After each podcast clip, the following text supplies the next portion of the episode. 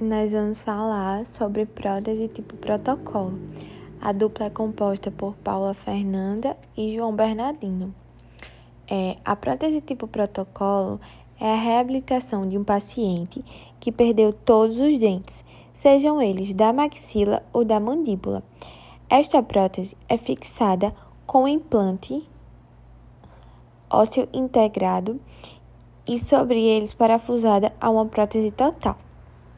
Osteointegração ou osteointegração é a união estável e funcional entre o osso e uma superfície de titânio.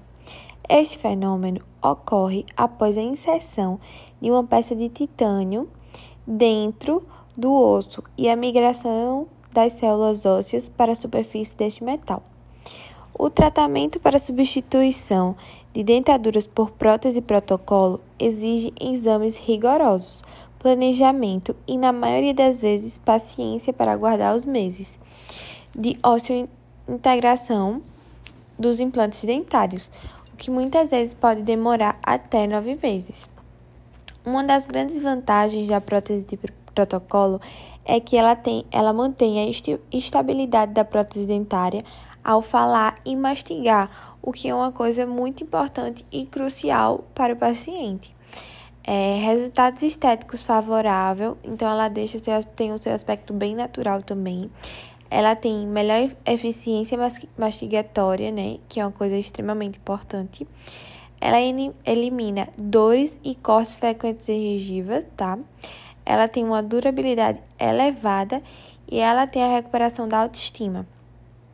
É, essa prótese, é, a instalação dela é bastante simples, tá?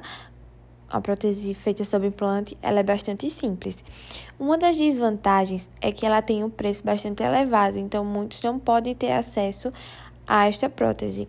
Ela também tem limitações ósseas e de saúde do paciente, que pode inviabilizar o tratamento.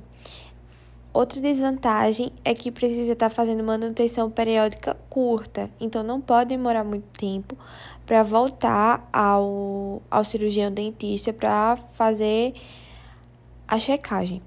Outra coisa é o tempo de tratamento, né, que foi o que eu falei sobre a osteointegração dos implantes dentários, que podem demorar até nove meses.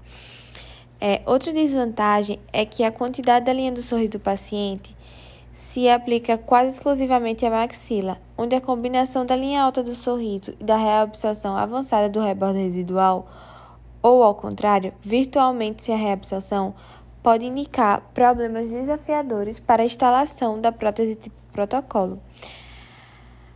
A primeira vai necessitar do uso de uma flagem labial visível para compensar os tecidos reabsorvíveis o tamanho e o desenho do, flan, do, da, do flange pode impedir a manutenção da higiene oral e, assim, é contraindicada para uma prótese. Então, é, quem tem a linha do sorriso muito alta e precisa fazer um flange é basicamente contraindicado, porque quando ele faz um flange, ele não tem condições de higienizar bem aquele local.